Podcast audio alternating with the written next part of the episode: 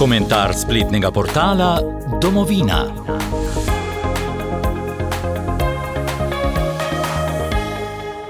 Prebrali bomo članek, ki ga je napisal Martin Nahtigal. Njegov naslov je: Po osvoboditvi je stroko povozila revolucija, v času svobode pa jo je povozil aktivizem. 5. januarja 1946 so bili na drugem zasedanju mestne ljudske skupščine okrožnega mesta Ljubljana razrešeni dožnosti stalnih sodnikov štirje usposobljeni in izobraženi sodniki. Na istem zasedanju so bili za stalne sodnike izbrani krojač, mizar, delavec in trije uradniki. Stroko je gladko malo povozila revolucija. Potem smo imeli nekaj desetletij krvave diktature, ki je Sloveniji onemogočala dihati z obema pljučnima kriloma ter zanikala obstoj dela naroda. Obenem je zanikala njegovo zgodovino, zatrla njegov razvoj ter pustila neizbrisne posledice na narodovem značaju. Na kratko, skoraj v celoti izpolnila svoj zadani program. Temu programu smo se leta 1991 odpovedali ter zakorakali na svojo pot v upanju, da zaslugarstvo detkov v gošči ne bo več argument, ki bo odločal o tem, kje se bo gradilo, kako se bo kak kraj razvijal ter koliko bo kdo zaslužil. 19. aprila 2023 je skupina poslancev, ki se v delu imajo za ponosne naslednike prej naštetih, uložila v parlamentarno proceduro zakon o zaščiti živali.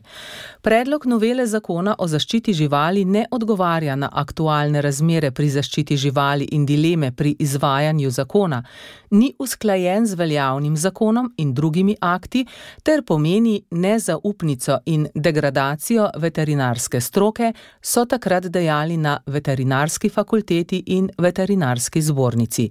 Stroko je gladko malo povozil samovoljni aktivizem.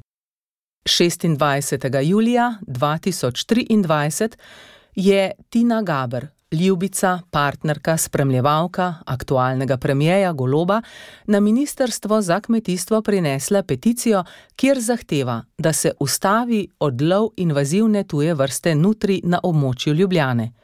Nestrokovno, nedopustno, škodljivo. S temi besedami se je na navedbe aktivistke, ki avtorju študije o vplivu nutri dr. Hubertu Potočniku posredno očita sistemsko korupcijo, odzvala Biotehniška fakulteta. Ta opozarja, da so nutrije ne le pri nas, temveč povsod po svetu ena najškodljivejših vrst za mokrišča in tudi prenašalke številnih, celo za človeka nevarnih patogenov in parazitov. Stroko je gladko malo povozila privilegirana neumnost. To sta zgolj dva izmed prenekaterih primerov podobnih situacij, kjer je kombinacija aktivizma, ideologije in bližina odločevalske kljuke v zadnjem času bolj ali manj uspešno povozila stroko. Eni primeri so za narodovo prihodnost pomembnejši kot drugi. Zadnji, najodmevnejši je gotovo omejevanje svobode govora skozi fanatizem okoli tako imenovanega sovražnega govora, ki ga promovira Nika Kovač s prijatelji.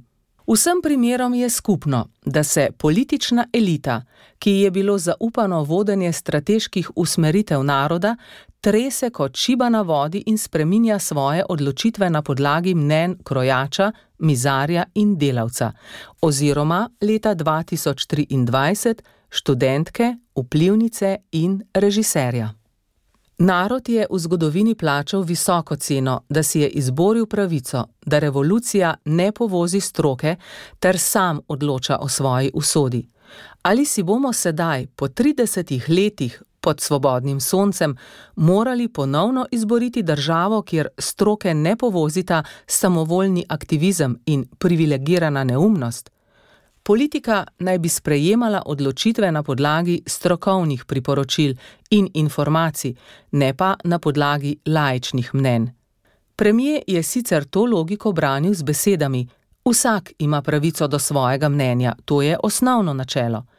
Naloga voditelja pa je, da primerno vrednost pripiše mnenjem, ko tehta določene odločitve, ko na mesto sodnika sodi krojač in ko na mesto strokovnjaka analizira vplivnica, se velja resno vprašati o sposobnosti izpolnjevanja nalog voditelja.